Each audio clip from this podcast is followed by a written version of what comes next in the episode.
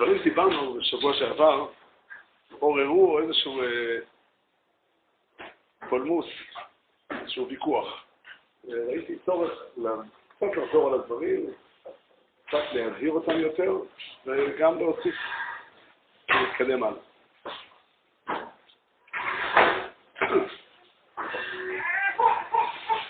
אי אפשר אה, להסתכל על העולם, לראות איך העולם נראה, לראות, קל מאוד מאוד לראות שיש בעולם הרבה רע. אי אפשר להתווכח על זה. צריך להיות אה, עיוור בשביל להתווכח.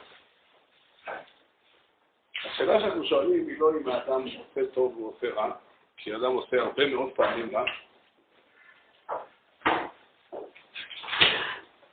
השאלה שאנחנו, מה שאנחנו רוצים להבין זה, זה מאיפה מגיע הרע, מה המקור בנפש האדם שממנו מגיע הרע. והמטרה של זה היא בשביל להבין איך נראה התהליך של תיקון האדם. זאת אומרת, כל עוד האדם נוהג בצורה לא נכונה, זה לא כל כך משנה מאיפה זה מגיע. התוצאה היא, אם נניח אדם אה, אה, בטעות, או לא משנה באיזה סיבה, אפילו, איזה טעות היא לא מילה נכונה, אדם רוצה לעשות טוב, ומגיע מזה לעשות מעשים רעים, זה, זה, זה, המעשה הוא מעשה רע. השאלה של למה זה חשוב לנו כל כך, כדי להבין, או לנסות להבין, מהי הדרך העקרונית, הראויה, כדי לתקן את האדם. ועל זה אנחנו רואים, שהקדוש ברוך הוא ברא את האדם, נשמת האדם, נפש האדם, רוח האדם, כל אלה, כל הביטויים הללו, הם מתייחסים לצד הפנימי של נפש האדם, והוא כולו טוב. כולו טוב. מה? לא, לתקן את עצמנו. כאשר יש מציאות של רע באדם, כאשר אדם רוצה, אדם רוצה לתקן מישהו אחר, אדם אחראי לחנך את הילדים שלו, אדם אחראי לא לתקן. להביא למקום נכון.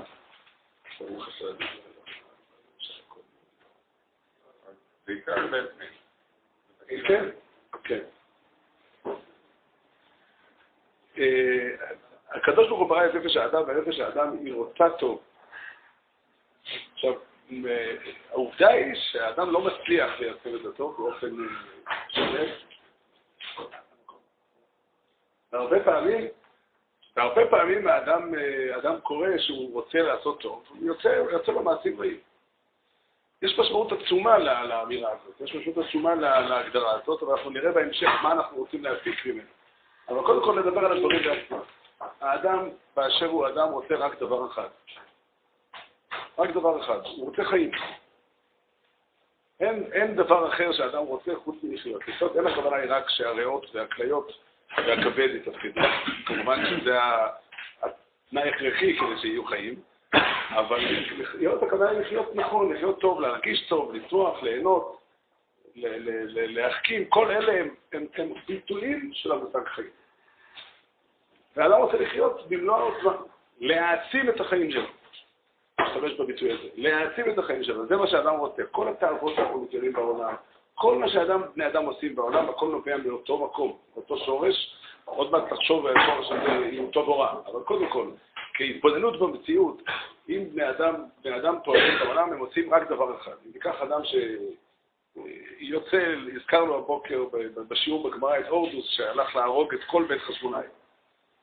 אין ספק שהמעשה הזה הוא מעשה רע, המעשה הזה הוא מעשה שהוא מנוגד לחיים, והוא אה, גרם גם להורדוס עצמו נזק עצום. אבל אם נשאל מאיפה מגיע הרצון, מאיפה יצור אנשים מעלה על דעתו דבר כזה, התשובה היא, זה היה נראה לו דרך להעצים את החיים שלו. אפשר אולי להבין איך הטעות הזאת קרתה. אולי נוכל להבין או לא נוכל להבין, אבל, אה, אבל זה היה דרך בשבילו להעצים את החיים שלו, ולכן הוא עשה את זה. כן, טוב. אי אפשר להגיד לפי זה, שרק אם אדם יהיה הכי גדול, רק אז הוא יודע את כל התורה, אפשר להגיד שמה שהוא עשה היה בשיקול דעת, ויביא למה שעכשיו גם אם אדם ידע את כל התורה כולה, והיו כאלה אנשים בהיסטוריה, הם גם באו לכלל כעס ובאו לכלל טעות, או עוד סיבות אחרות. למה לא להגיד שהוא חיים במעשיו? לא מתווכח, אני זה רוצה להסביר. זה ברור לחלוטין, בלי שום ספק. לא, לא, אה, מי, ש... מי ששאל את השאלה הזאת אחרי השיעור, האם זה אומר שכשבן אדם, כשהורדוס חשב שהוא עושה מעשה טוב, אז זה אומר שהוא פטור מאחריות על מה שהוא עשה. הורדוס בתור דוגמה בעלמא, או מי שלא נגיד. ודאי שזה לא נכון. צריך, כדי להסביר את זה, אני אוסיף אולי שתי משפטים עקרוניים. ברור לחלוטין שהאדם יכול להיות מודע, ובדרך כלל גם מודע לזה, שמה שטוב בעיניו הוא לא טוב שלם. הוא מודע לקונפליקט, לסתירה שיש פה. אם באמת בן אדם היה חי, אם יש כזאת מציאות אנושית, והיא ודאי קיימת במקרים מסוימים, שאדם באמת לא מודע לרוע של מה שהוא עושה, אז הוא אנוס לגמרי. יכול להיות שהוא אפילו אנוס, זאת אומרת שאפילו אין, אין עליו טיינה שהוא אה, צריך ללמוד. אבל, אבל ברוב המקרים שאנחנו מדברים, בן אדם, מדברים על אנשים בוגרים, אנשים שיש להם דעת מינימלית, והם מבינים את הצד הרע של מה שהם עושים, ומבינים שיש פה ניקוד בין טוב לרע. זאת אומרת, המעשה הזה, הורדוס סבר שהוא יבין אותו, וזו הייתה טעות, על זה דיברנו בשבוע שעבר, הוא הבין היטב שאנשים שהם לא עשו שום דבר רע, מתו בגלל, לא, לא מתו, זו לא המילה נכונה. הוא הרג אנשים חיים בלי שום סיבה, והוא ידע שזה רע לגמרי. רק אנחנו סך הכל באים לענות על השאלה, הוא ברור שהוא מודע לזה שהוא עושה רע, אין, אין בזה ספק. ואפשר לתבוע ממנו, תהיה מודע לעובדה שהטוב שלך, גם אם אתה צודק שזה טוב לך להרוג את האנשים, עדיין זה רע להם. ועדיין התפיסה הכללית של הדעת אומרת שאין לזה שום צידוק. לא השתנה שום דבר בתפיסה, בתביעה המוסרית הזו, ממה שאמרתי למשל, לפני זה לאחד. הדבר היחידי שאני רוצה לטעון זה אם אתה שואל מאיפה מגיע הרצון המוזר הזה לאדם להרוג אנשים. אז בדרך כלל עונים, תדע לך, אדם יש לו יצר טוב ויצר רע. יש לו יצר טוב שמושך אותו לעשות מעשים טובים, יש לו יצר רע שמושך אותו לעשות מעשים רעים. זו תמונה רגילה. בנוסח אחר אנשים יגידו לך, לאדם יש נשמה ויש גוף. הגוף מושך אותו לדברים רעים, הנשמה מושכת אותו לדברים טובים. אני מתכוון להגיד נגד הביטויים הללו, זה לא מדויק. אם אתה שואל למה הוא, למה הוא רצה לעשות את זה, הוא רצה לעשות את זה כי הוא רצה לעשות טוב. הוא לא טעה עד כדי כך שחשב שהטוב הזה הוא מוקלט. הוא ודאי לא טעה בזה. אבל אם אתה שואל מאיפה מגיע הרצון המוזר הזה לאדם להרוג אנשים, במקרים מסוימים זה ממש מוזר, אנחנו מסתכלים ואומרים מאיפה זה מגיע, מה פתאום? התשובה היא, אצלו, אצל אותו אדם, הצד המשיכה שיש בדבר הזה הוא הצד הטוב. אם מישהו רוצה, יכול להגיד את זה בנוסחאות אחרות, אפשר, זה נאמר, הרעיון הזה נאמר בתולדות המחשבה היהודית בכמה וכמה נוסחאות. אבל, אבל, אבל, אבל, אבל זה אמיתי, זה אמיתי לגמרי. זאת אומרת, הסיבה שבן אדם נמשך לעשות משהו מסוים. כל אחד יכול לקחת את המשאבים שלו, אדם רוצה לגנוב. אדם גונב. הוא יודע שזה אסור, הוא יודע שיש חוק שאוסר את זה, הוא יודע שהצדק, הוא, הוא חווה גם, הוא יכול לחוות גם, את העובדה שיש פה מישהו אחר שמחמיץ משהו שלו, שמפסיד משהו שהיה שלו, ואין לזה שום צידוק. אבל אתה שואל, למה זה מושך אותו? זה מושך אותו, הוא מושך אותו כי הוא מרגיש שחוץ מהרע הגדול שיש בעניין הזה, יש בו משהו קטן, אולי, טוב, שאותו הוא רוצה. אני סך הכל רוצה לומר, אין משיכה שהיא רעה לכשעצמה. גלעד, כן.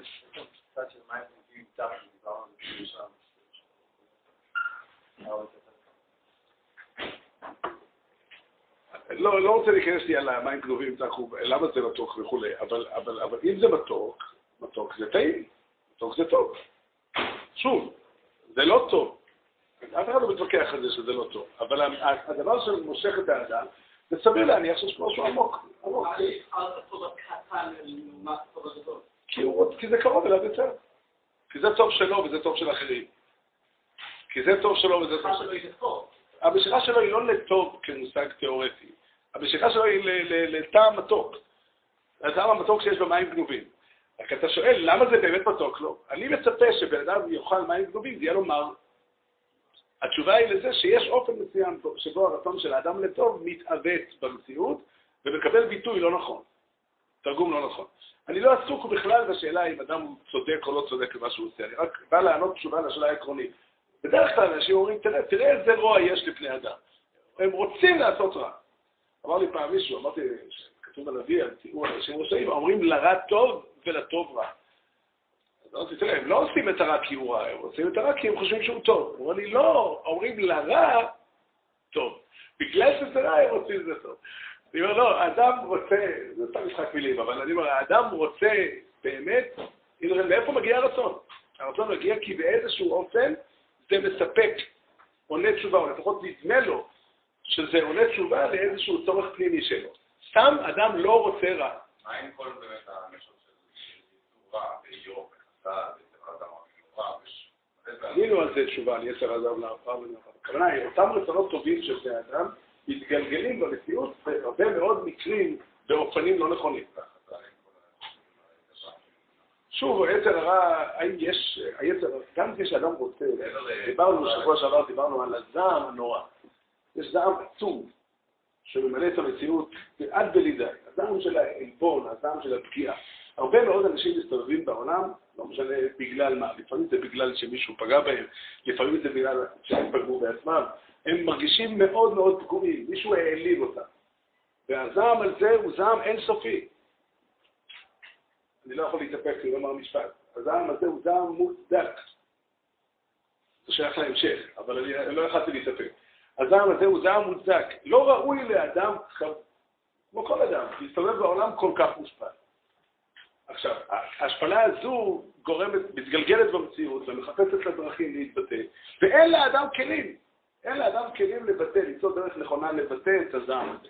שוב, הוא יודע היטב שאותו אדם שלא פגע בו מעולם, שלזעוק, זה חלק מה, מההתגלגלות של הזעם היא לעשות רע לכל בני אדם, אותו אדם לא עשה דבר, דבר רע מעולם ולא פגע בו ואין שום סיבה לפגוע בו. אבל הוא חש בכל ליבו שזה הדבר שישיב את כבודו האבוד, ויש סיבה למה הוא טועה בטעות הזאת. הוא יודע שגם אם הוא צודק, שזה ישיב את כבודו האבוד, זה לא מספיק לעשות את מה שהוא עושה. והוא מסוגל לעשות את זה. ואנחנו תובעים ממנו את זה. וכשהוא יעשה את זה, אנחנו נעניש אותו. עד כמה שכל עוון לפי גדרו וכולי. אבל, אה, והחז"ל דיברו על, היתר הרע שקראו שונא וכולי. הם מדברים על הזעם הנורא הזה, שהוא באמת, שהוא באמת כוח הרס עצום. רצון החיים של בני אדם מסוגל להביא עד כדי התאבדות. אבל אם אתה שואל אותו מה דחף את האם באמת לא היה רוצה לחיות, הוא לא היה מתאבד.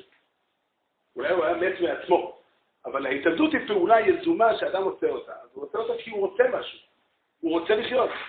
והוא חש בטעות שהחיים שלו היום הם, חש... הם יותר מוות ממוות. אז האדם שיש לו רצון לעשות משהו שמבחינה מסוימת הוא רע, יש לו רצון כן. והוא אומר, אז הוא מגיע למקום שהוא טוב, שמעצים את החיים שלו, ואנחנו אה, מצפים ממנו שהוא יסתפק, כן. בגלל שיש אה, טוב מוסרי, איך אדם יוכל לוותר על להעצים את החיים שלו בשביל משהו אחר, שיש משהו פחות קרוב אליו. יש משהו בלתי אפשרי, אני מזדהה עם השאלה שלך. אתה יודע למה אני מזדהה עם השאלה שלך? כי אנחנו שנינו חיים בשנת 2016.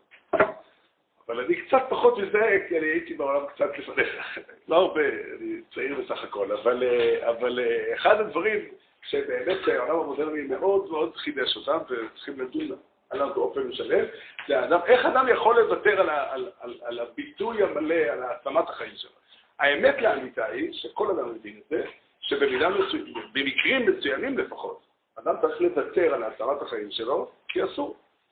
אין אדם בעולם, אני חושב, ש, ש, שלא מקבל את זה במקרים מסוימים. השאלה היא עד היכן. לפעמים זה קשה מאוד.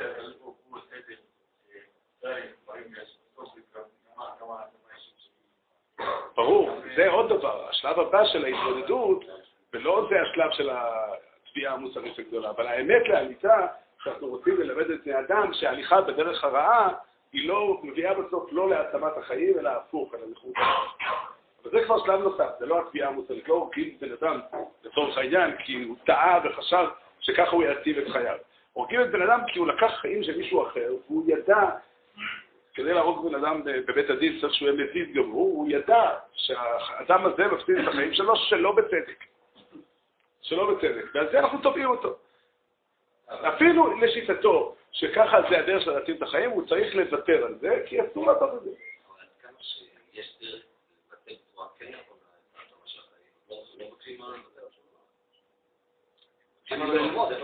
אני מסכים ולא מסכים, כי במציאות הריאלית, עד, עד השלב שבו הוא, אה, איך אומרים, אה, ידע איך לעשות את זה, בינתיים אה, המצב שלו הוא לא טוב, וייתכן ש... שבינתיים עדיף שכמה אנשים ימותו. אבל אסור, חייבים, אסור, אני חושב שאסור לפספס על הקטע הזה. יש פה גם תביעה מוסרית נכונה בפני עצמה, גם אם זה טוב לך, גם אם אתה צודק, משל למה הדבר דומה, או דוגמה, לא משל. האדם הראשון נמצא בגן עדן, ויש עץ אחד שאסור לאכול ממנו. אז בעצם באים אליו בטענות על שני דברים. קודם כל היה צריך לתת אמון בקדוש ברוך הוא, שמה שנראה לו טוב, טוב נחמד להשכיל וכולי, הוא לא ממש טוב, באיזשהו אופן שהוא לא יכל לדעת. צריך לתת אמון. זה, זה נושא אחד, שלא זה, לא זה מה שיביא אותו להעצמת החיים, אלא עץ החיים. זה עניין אחד. ודבר שני, גם אם אתה עומד במקום הזה, יש בעל הבית. ואין לך רשות, גם בשביל העצמת החיים שלך, אין לך רשות לבלוע. אי אפשר לנצח את התביעה המוסרית רק על הצד הראשון. חשוב להגיד גם את הצד השני. הצד הראשון הוא חשוב כאשר אנחנו רוצים לתקן את המציאות. ורוצים להגיד לבן רגע, מה נעשה? מה אני עושה שאני מלא זעם ואני רוצה להרוג את כל העולם בגלל שפגעו בי? אז תשמע, יש דרך שתביא אותך יותר טוב ויותר נכון להעצמת החיים שלך. הדרך הישרה היא דרך טובה ומתוקה ועץ חיים מן המחזיקים בה.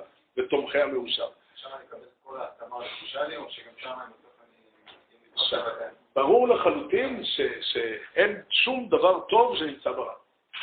באמת. יש הרבה דימויים או טעם של דברים טובים שנמצאים ברע, אבל אין שום דבר טוב שבאמת נמצא ברע, והדבר הזה הוא באמת אמונת הייחוד השלמה. אבל אני מסכים שזה לא פשוט. לא אני מסכים, אני, אני טוען שזה לא פשוט, ומן הראוי להזניק את שני הצדדים גם יחד. אי אפשר לנהל את החיים רק עם, הצד הזה. יוצאים מהשער אומר משהו שיש לו טעם שתאי, שבעצם אין דבר כזה, אין דבר כזה, אין דבר כן. כזה רע. אמת, יש רע, אם אתה מדבר, אם אתה מדבר, אין דבר כזה, מעשה הוא רע. קח דוגמה לחריפה מאוד, לאדם שרצון החיים מביא אותו למצב שהוא רוצה להתאבד. זו המציאות, כולנו מסכימים עם זה, שרק רצון החיים מביא אותו לרצון הזה. אם באמת הוא היה אדיש לחיים שלו, הוא לא היה מתאבד. מה שיהיה יהיה. הוא רוצה לחיות, והתפיסה שלו, את החיים שלו, היום היא תפיסה שהחיים שלו מרים ממוות, ובגלל רצון החיים הוא הולך להתאבד. ואנחנו אומרים לו, תקשיב, אסור לך לפגוע בחיים שלך, למרות, גם אם אתה צודק, מה שנקרא, שזה הדרך להציל את החיים שלך, או, או לפחות לא לפגוע בהם כל כך, אסור לך לעשות את זה, כי החיים הם לא שלך. עד היום, עד היום, נגיד על אנחנו, אה, אנחנו שמענו להתאבד זה מאוד גרוע, כי אתה בעצם עובר, אה, עובר על רציחה, ותגר... מה טוב, לא כמו אגיד עובר על רציחה. אני אומר עובר על רציחה, לא יבואו לשמיים ויגידו לו, לא, לא שעשית את זה, לו לא, לא. עוד פעם, ההבדל בין להגיד מגיע ממקום טוב, להגיד שזה טוב, זה שתי אמירות שונות לחלוטין. האמירה האחת היא אמת לאמיתה, והיא טובה והיא נכונה, והאמירה השנייה, והיא, האמירה הראשונה גם מעצימה את, ה, את, ה, את האמירה השנייה. תראה כמה רע הדבר הזה שעשית. עכשיו, כל מה שרצית זה לחיות, והבאת את עצמך למוות. תראה עד כמה זה רע, עד כמה זה טעות. וחוץ מזה, גם זה אסור לעשות את זה. יש חוק, החוק הוא, הוא כתוב על עת, אה, מה שנקרא, חרוט על לוח ליבנו, זה אחד, ושתיים, החוק, החוק הוא באמת אמיתי. החוק אומר שאסור לך לפגוע בדבר שהוא לא שלך. החוק אומר וכולי, אין שום תירוץ לזה. זה שהיה, אני לא, אני לא, אפילו לא מתכוון לומר, מישהו הזכיר אחרי השיעור שבוע שעבר, את המשפט לדון לכף זכות. מה שאני מדבר זה לא נקרא לדון לכף זכות. לדון לכף זכות זה לדון ולומר שהמעשה שהוא עשה הוא לא מעשה גרוע. לצורך העניין, אם הוא נוסע בשבת, אולי הוא נוסע להציל איזה חולה, או נוסע עם יולדת. נגיד כך. לדון לכף זכות זה לא הכוונה להבין את הסיבות שהביאו אותו לזה. זה לא, לא, לא זה נקרא. מה שאני אומר, זה, זה, זה, זה בעצם, המעשה הוא מעשה רע ואין על זה ויכוח. לא על זה אנחנו דנים. המעשה הוא מעשה רע. אם אתה רוצה לדעת איך אנחנו לוקחים את האדם שנמצא במצב של מעשים רעים ורוצים לקדם אותו, או כלפי עצמי, או כלפי אנשים שאני מחנך, מחנך אותם, או אם אני מתעסק עם אדם שבא לריב איתי. אם הוא בא עם רובה, או, זה, אני לא חושב על להטיב, לא חושב על להיטיב אותו ולא חושב על לתקן אותו, אלא חושב להציל את החיים שלי ואני אהרוג אותו בשביל להציל את החיים שלי. אבל אם בתנאים אחרים, לפעמים אני צריך לחשוב איך אני מתקן את האויבים שלי כדי להגיע איתם ליחסים נכונים. בהרבה מאוד מקרים זו שאלה קריטית. יש לבן אדם סכסוך עם שכן, יש לאדם עימות עם, אה, לא משנה בדיוק עם מי, והוא צריך לנהל איתו חיים. אז תדע לך, ותזכור, שהסיבה שהבן אדם נוהג ככה, היא לא כי הוא רע, תראה איזה שטן הוא. הסיבה שהוא נוהג ככה, כי יש פה איזושהי טעות. זה יכול להביא במדים מסוימים, למצוא על ידי זה דרך איך לתקן את, ה, את המציאות. זה, זה, זה המשמעות של הדברים. המשמעות של הדברים היא בפירוש לא בשביל למעט או להפחית את הרוע של הדברים. והם גם לא יכולים, הדברים שאני אמרתי לא יכולים לעשות. סתם, יש פסוק שאנחנו אומרים אותו בכניסת יום הכיפורים. אין פסוק מתאים ממנו לשעה הזו. ונסלח לכל הדת בני ישראל ולגר הגר בתוכן, כי לכל העם בשגגה. במקור הפסוק הזה נאמר בהקשר מסוים, אבל כשאנחנו רואים אותו ביום הכיפורים, אנחנו מתכוונים לומר שבאמת כל החטאים שקורים הם במידה מסוימת שגגה. כמובן, רק ביום הכיפורים מותר להגיד כאלה דיבורים, זה דיבורים של מידת הרחמים העליונה, אבל הכוונה היא, יש צד מסוים שאין אדם חוטא אלא אם כן יש הצו רוח שטות. המאמר הזה של חז"ל, של רוח שטות, מתכוון לומר שני דברים.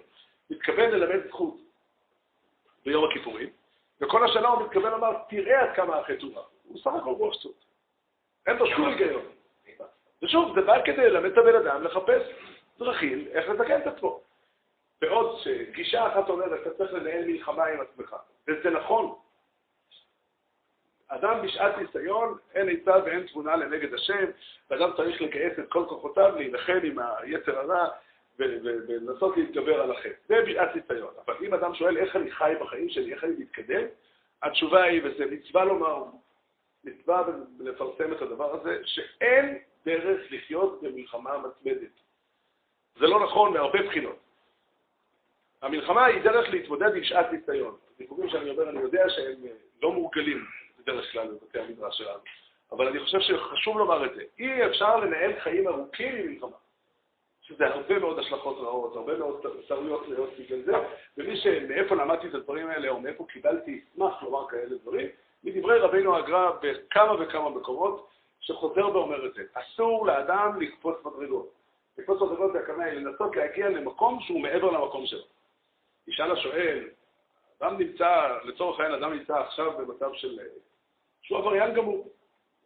נגיד שהוא מחלל שבת בפרהסיה. חילול שבת זה לא מידת חסידות, זה לא איזושהי מדרגה, זה אסור ממש. הדין הוא שאסור לו להפסיק לחלל שבת בבת אחת. ככה דין. והגאון מווילנה כותב במקום אחד שההנהגה הזו של ספוט הזאת היא הרע הגמור. אני לא יודע מה פירוש המילים הרע הגמור, אבל ודאי שהוא לא מתכוון לומר שזה איסור דרבנן. ולכן אני אומר, אם יש לנו ספק כי דבר מסוים נכנס בגדר של קפיצת מדרגות או לא, אז ספק דאורייתא לכולם. צריך להחמיר ולא לקפוץ. ככה הורו רבותינו, דרך אגב, בכל הדורות, אה, רבותינו שעסקו בחינוך וחינכו אנשים, ככה הורו. בעצמי שמעתי פעם, הרב שח, איך שהוא דיבר על זה מאוד מאוד חזק, היה איזה בחור, לו, תחביאו לו את התפילין, שלא על יח תפילין. מתכוון כמובן בתור מליצה, אני רוצה אולי דווקא התפילין, אבל, אבל, אבל הכוונה היא, הדרך שאדם עושה, מה הכוונה? הכוונה, אדם נמצא במקום מסוים, הוא לא יכול, כדי להביא אותו, לכן אני אומר, להביא אותו ממקום שבו הוא, אה,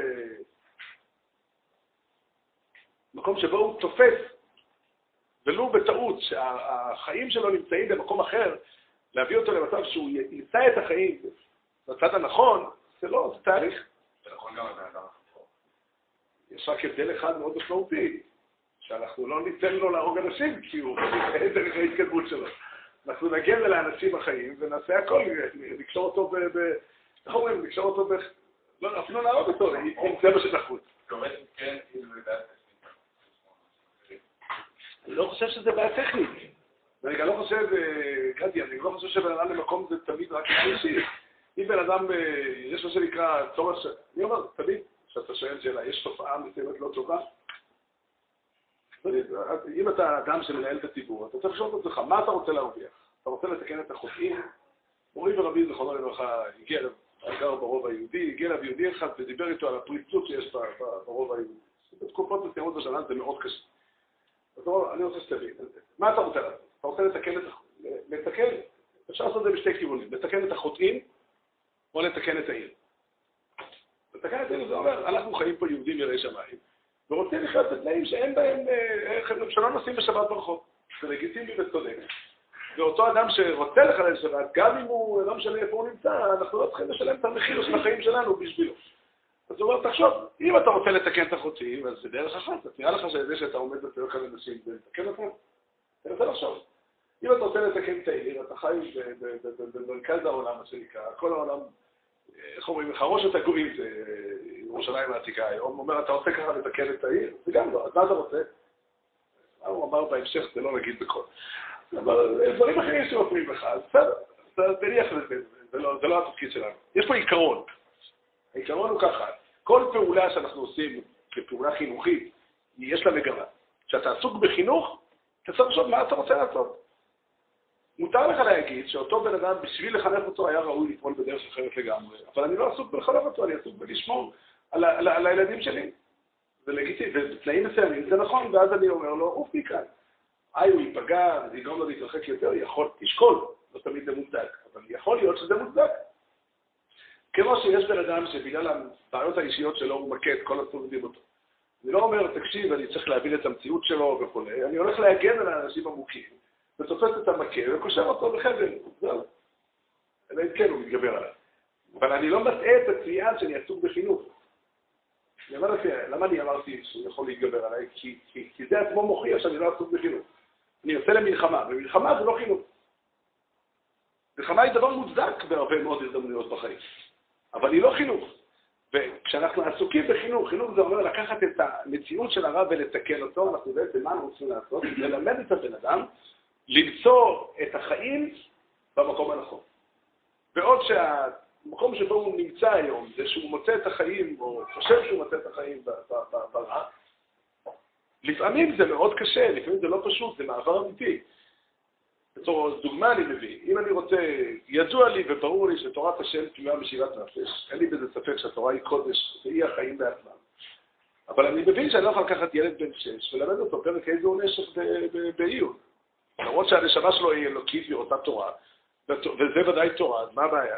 התשובה היא, זה לא התורה, המתאימה לא. כדי להביא אותו למצוא את טעם החיים בתורה, אני לא יכול להתחיל בפרק איזה הוא נשך. אני צריך להתחיל ללמד אותו... אה,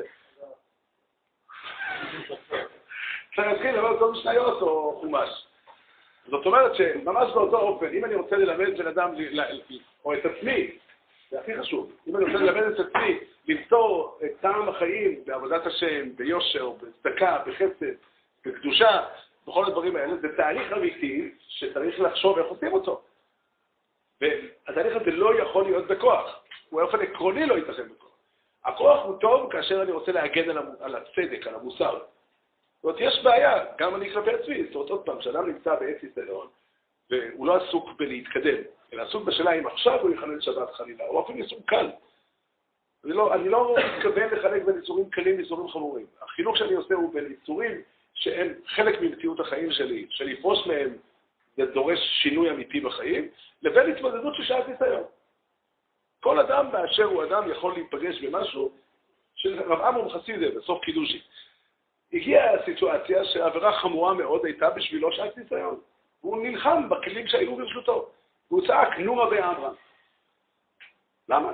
זה נקרא שעת ניסיון, ואת הכל כדאי לעשות, כל אשר לא ייתן לאדם בעד נפשו, להציג את עצמו מחץ, ואין עצה ואין תבודה לנגד השם, וצריך לשבור את כל הכלים בשביל לא לעבור עבירה. גם עבירה קלה הרבה יותר מהעבירה שאברהם חסיד דיבר עליו. עליה.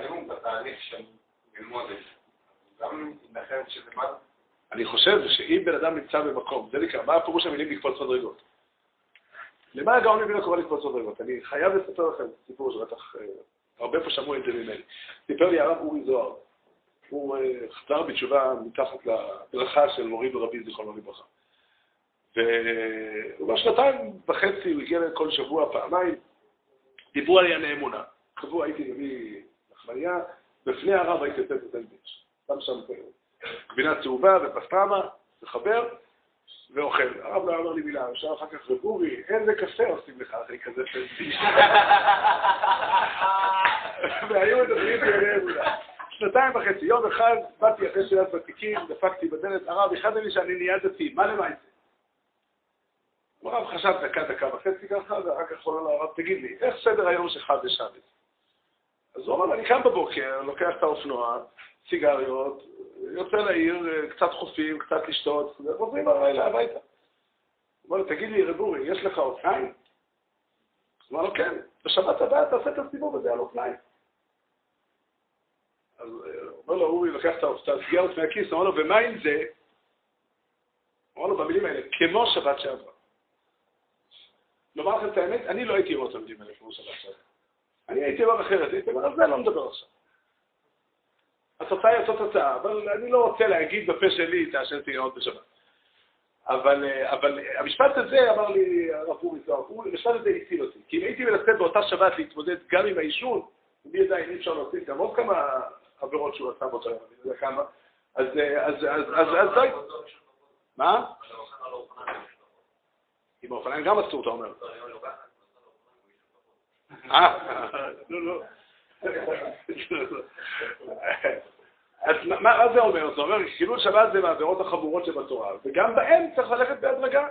אי אפשר, כל אחד יודע את זה, שאי אפשר בבת אחת להפסיק. אבל אם בן אדם אחר עומד ברגע אחד ויש לו ניסיון אם לעשן בשבת או לא, זה לא שהוא נמצא במצב כזה והוא צריך להתקדם, אלא יש לו עכשיו שאלה מקומית, לעשן עכשיו או לא לעשן עכשיו. על זה התשובה היא, לעולם לא. לעולם לא. אין לנו שום רשות לעשות עבירות בשביל שום סיבה שלא תהיה. אנחנו לא עושים מסחר בשביל הקדוש ברוך הוא בתורה, ואסור זה אסור. כאילו סיפרתם שבדרך כלל אני לא עושה אותם? כן, כן, כן, זה הכל. אם בא בן אדם ואומר, תראה, אתמול היה לי שעת ניסיון, היום היה לי שעת ניסיון, ומחר גם, כל יום יש לי שעת ניסיון. תקשיב, סימן שיש לך בעיה אחרת. סימן שאתה צריך לחשוב טוב איך לפתור את הבעיה. ושוב, אם אנחנו עסוקים בלתקן אותו, אז, או שהוא עסוק בלתקן את עצמו, והוא תמיד עסוק בלתקן את עצמו, לא, הוא לא בא להגן על העיר, הוא, עסוק בלתקן את עצמו. אז, אז מלחמה היא דרך שטובה לשעה מסוימת. המחיר של מלחמה מצלדת הוא מחיר קטלני. אי אפשר, אי אפשר, אי אפשר ככה לחיות. זאת אומרת, אי אפשר לטעום טעם של חיים על ידי מלחמה. כן, שרון. בהקשר שהרב דיבר בהתחלה, שאלה של כל שקשורה לנושא. האם הרשעים ישנים טוב בלילה? אם הרב אומר את מה שהוא אומר. לומר לך את האמת, לא ניסיתי. אבל חשבתי שאתה רוצה לשאול צדיקים ישנים טוב בלילה. זה ודאי ש... אני חושב ששלמה המלך אומר שלא. שלמה המלך אומר שלא. לא מתכוונים על השנה באופן ממשי, אלא הכוונה היא, יש באדם ידיעה, יש באדם ידיעה עמוקה שיודע מה טוב ומה רע, והוא חש שהוא לועג רע. לא חייב להיות שהתחושה הזאת נמצאת בתודעה שלו כל הזמן, אבל יש בתוכו קול פנימי, והוא יכול, אם הוא ירצה, להקשיב לקול הזה, והקול הזה קורה בקול. ממעמקי הנשמה האנושית, קול השם קורא בלי ערב. שאנחנו אומר שהרע שהוא עושה זה המקור זה טוב. כן, כן. עוד פעם. אבל יש דוגמה שלא מסתדר לי. אה, מכשול לפני ריבה. למה בן אדם עושה את זה, אתה חושב? אדם עושה את זה? בן אדם לא רואה אפילו תוצאות, הוא נהנה מרע שהוא עושה. כל אחד מאיתנו, לפי ליבו הטוב, מזעזע במקומות מסוימים מהרוע שקיים בעולם. אבל תנסה לחשוב, למה בן אדם יוצא, קם בבוקר ואומר, היום אני אמצוא מישהו ואני אפיל אותו את זה, ההנאה שלו. למה הוא נהנה מזה? לא יודע, לא יודע. אני אגיד לך למה. אני אגיד לך למה. יש מבט של בן אדם שמסתכל ואומר, אתה עשית לי רע, חלילה. הוא עשה לי זה מבט אחד. יש מבט שאומר, זה מבט, נקרא לזה ילדות, העולם עשה לי רע. עכשיו, כשבן אדם חש ככה את הדברים, אז הוא חש שיום אחרי יום, במשך הרבה זמן, אנשים פגעו בו. העולם פגע בו. אתה חלק מהעולם. ולא יכול להיות שלא? אני אומר עוד פעם, ההנחה שלנו היא שהקדוש ברוך הוא לא נתן, לא, אני גם אומר דבר שהוא נכון, אני רואה אותו כי ככה אני תופס את התורה, אבל אני רואה את זה כי, כי זה נכון גם במציאות. אתה מסכים איתי שהסיבה שאנשים מנהלים מלחמה ועושים כל כך הרבה רוע, כי יש בתוכם הרבה מאוד פגיעות. אני קראתי תיאור, זה לא כל כך יפה להביא אותו להקשר הזה, אבל קראתי תיאור על אנשים שיצאו מהמחנות של הנאצים, והם עברו במקומות שחיו אנשים שלא נגעו בהם לרעה, לא עשו להם רע. ואתה רואה פתאום, אדם שבא, יצא מאושוויץ, והוא רואה אדם הולך עם אה, ילדים עם סנדוויצ'ים, אה, מלאים כל טוב. ומתאר את הדבר, הוא אומר, חשתי צורך עצום לטפל על הילד הזה ולחנוק אותו. אתה שואל אותי למה? הילד הזה לא עשה לי כלום, לא. אבל העולם הראה לו. לא. העולם הראה לו. זה ברור. עכשיו, מה? אז אתה במקרה נתת סיבה, למה זה אולי, אולי יש בזה גם צדק, אבל זו לא הסיבה הנכונה שהוא כועס.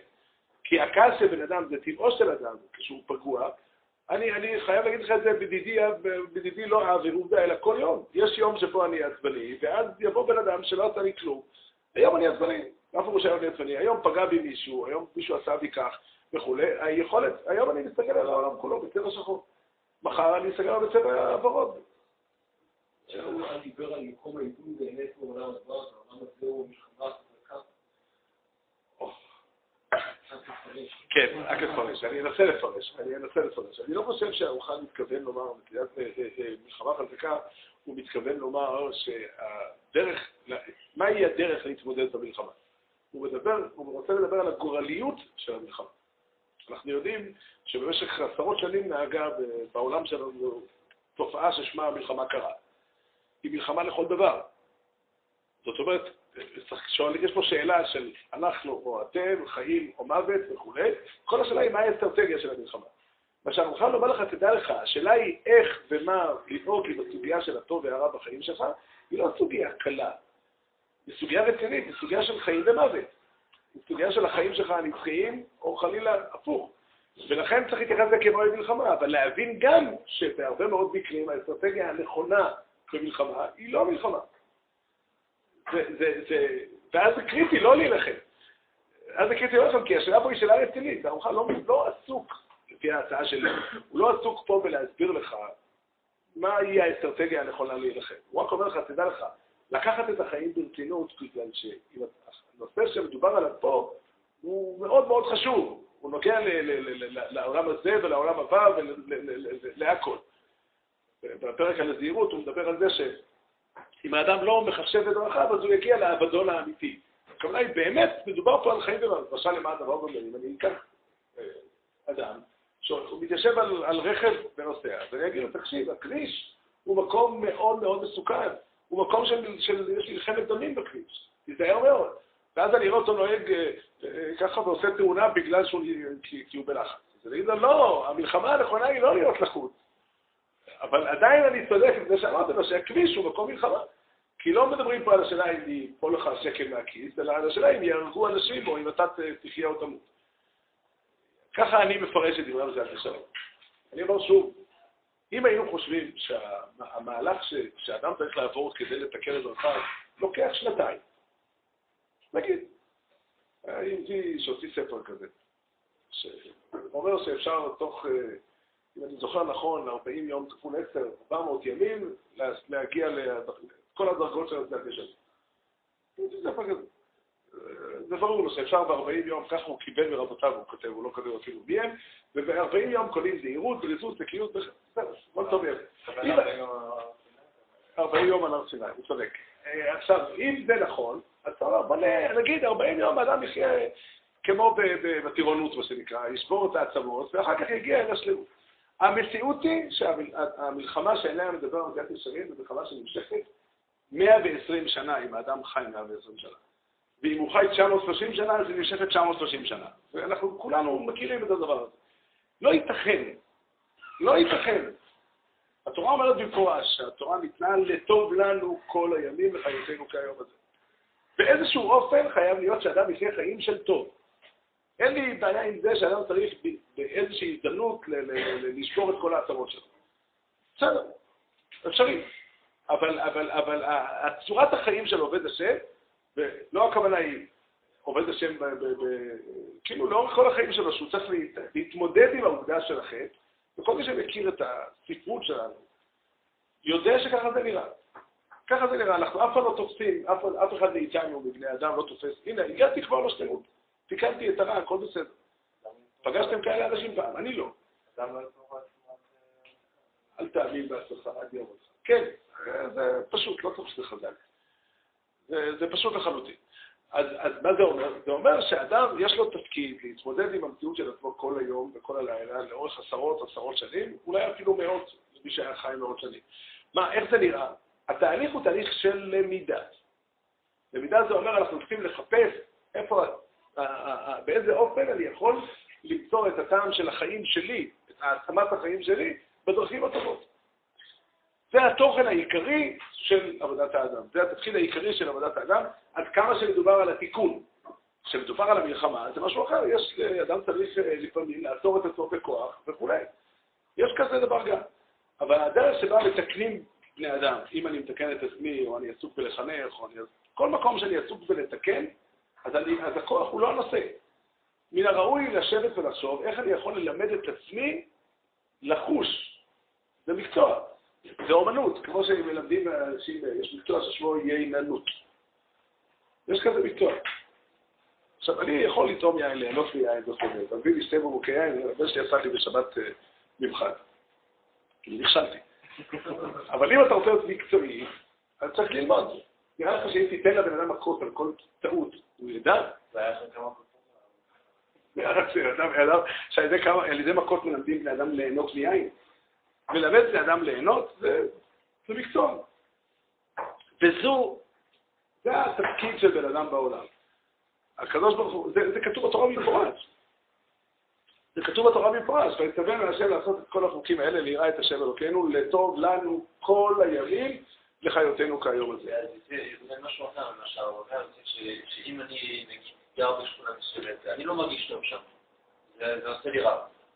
אז יוצא שמבחינת המטרות, מבחינת הזה, זה יוצא לי הכרה אולי הרבה יותר חמורה מאשר להתגלח בטעם. קודם כל, אמת הדבר שאדם, אמת הדבר שאדם שגר במקום שלא טוב לו ואין לו, הוא יכול לעבור, הוא עושה חטא בזה שהוא גר שם. שואל אותי אם זה יותר חמור או פחות חמור. אני לא חושב, אה, אני עוד פעם, אני לא מדבר על ה... על ה התורה לא אומרת שזה הטעם היחידי שיש למצוות. יש למצוות עוד שיקולים. אנחנו מדברים על נושא אחד, מהי הדרך לתקן בן אדם. אדם שמשום מה מרגיש שלגלח ביתר או אה, להקיף פאת הראש, בשבילו זה, ככה זה יפה, ככה, ככה הוא מבטא את החיים שלו. הוא צריך ללמוד שהתורה באיזשהו אופן למצוא את טעם החיים במשהו אחר. זה תהליך, על זה אנחנו מדברים, זה תהליך. ברור שזה חטא, לסבול זה חטא. זה הרמח"ל אומר בקצת ישרים, וזה פשוט לא צריך את זה, לא צריך שתי מקורות. הקדוש ברוך הוא ברא את כל העולם ונתן את כל התורה כדי שיהיה לך טוב. לך זה לא אכפת. אבל, אה, אבל, אבל אנחנו לא מדברים על זה, אני מדבר על דבר אחד, מהי הדרך של האדם לגדול? באופן עקרוני, אני עדיין לא נכנסתי לפרטים, זה כבר כנראה לא יקרה היום. אבל אה, מהי הדרך של האדם לגדול ולצמוח? הוא צריך ללמד את עצמו, להטות אוזן ולשים לב איפה נמצאים נקודות העונג, נקודות החיים, נקודות, ה, ה, ה, נקודות החוויה במעשים הנכונים והטובים. ככה, ככה, ככה מלמדים אנשים תורה. זו המציאות גם. תראה בכל בתי המדרשות שבהם מצליחים אנשים ללמד תורה, זה ככה עובד. גם אם אתה רוצה ללמד אדם להיות אדם ישר, אתה צריך להתאים אותו מהטעם של ה, של ה, מהיופי שיש בחיים הגונים. וכשאדם לומד את זה, הוא נמשך אל הטוב. זה לא תכלי שאדם יצטרך כל החיים שלו להיאבק עם, אה, עם, עם, עם, עם, ה- עם מאוד מאוד רוצה לעשות רע וכו'. היה מי שככה ניסח את המוסריות האידיאלית. שאני לא, אין לי שום משיכה לטוב, אבל אני עושה את הטוב כי הוא נכון. לא זו דרך השם. לא זו דרך השם. הוא לא אומר ככה. הוא אומר, טעמו הוא כי טוב השם. הוא לא מדבר על לטעום בעולם הבא. הוא מדבר על לטעום בעולם הזה. וכל אחד צריך להסתכל במציאות, להבין שאם אני אקח ילד בן שש ואני אלמד אותו ספר תיקוני זוהר, הוא לא יטעם באיזה טעם של טעמו כי טוב השם. וצריך לחשוב טוב, האם... עוד פעם.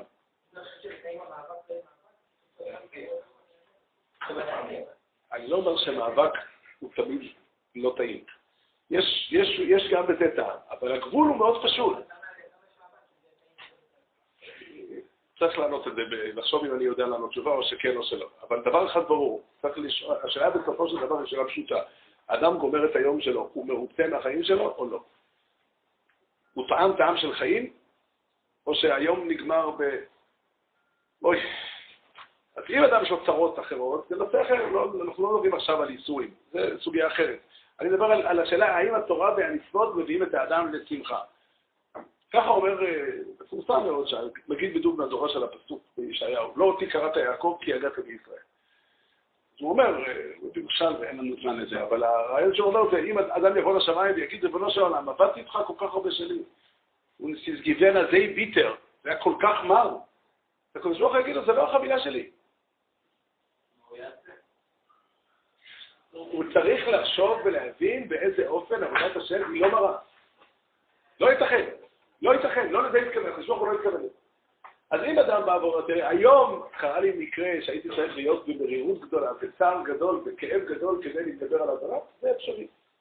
וזה דרך אגב מתאים לנפש האדם להיות להילחם בהזדמנויות מסוימות. אבל אם אדם חי ככה בקביעות, זה אומר שיש פה תקלה. הוא צריך לחשוב איך מתקנים את התקלה הזאת. איפה אני הולך לחפש אנשים, או ספרים, או לא משנה בדיוק איך, איך אני למד למצוא את הטעם בטוב. והטוב הוא אמור להיות טעים. זה מה שרצינו להגיד היום, ושהקדוש ברוך הוא איתנו תמיד.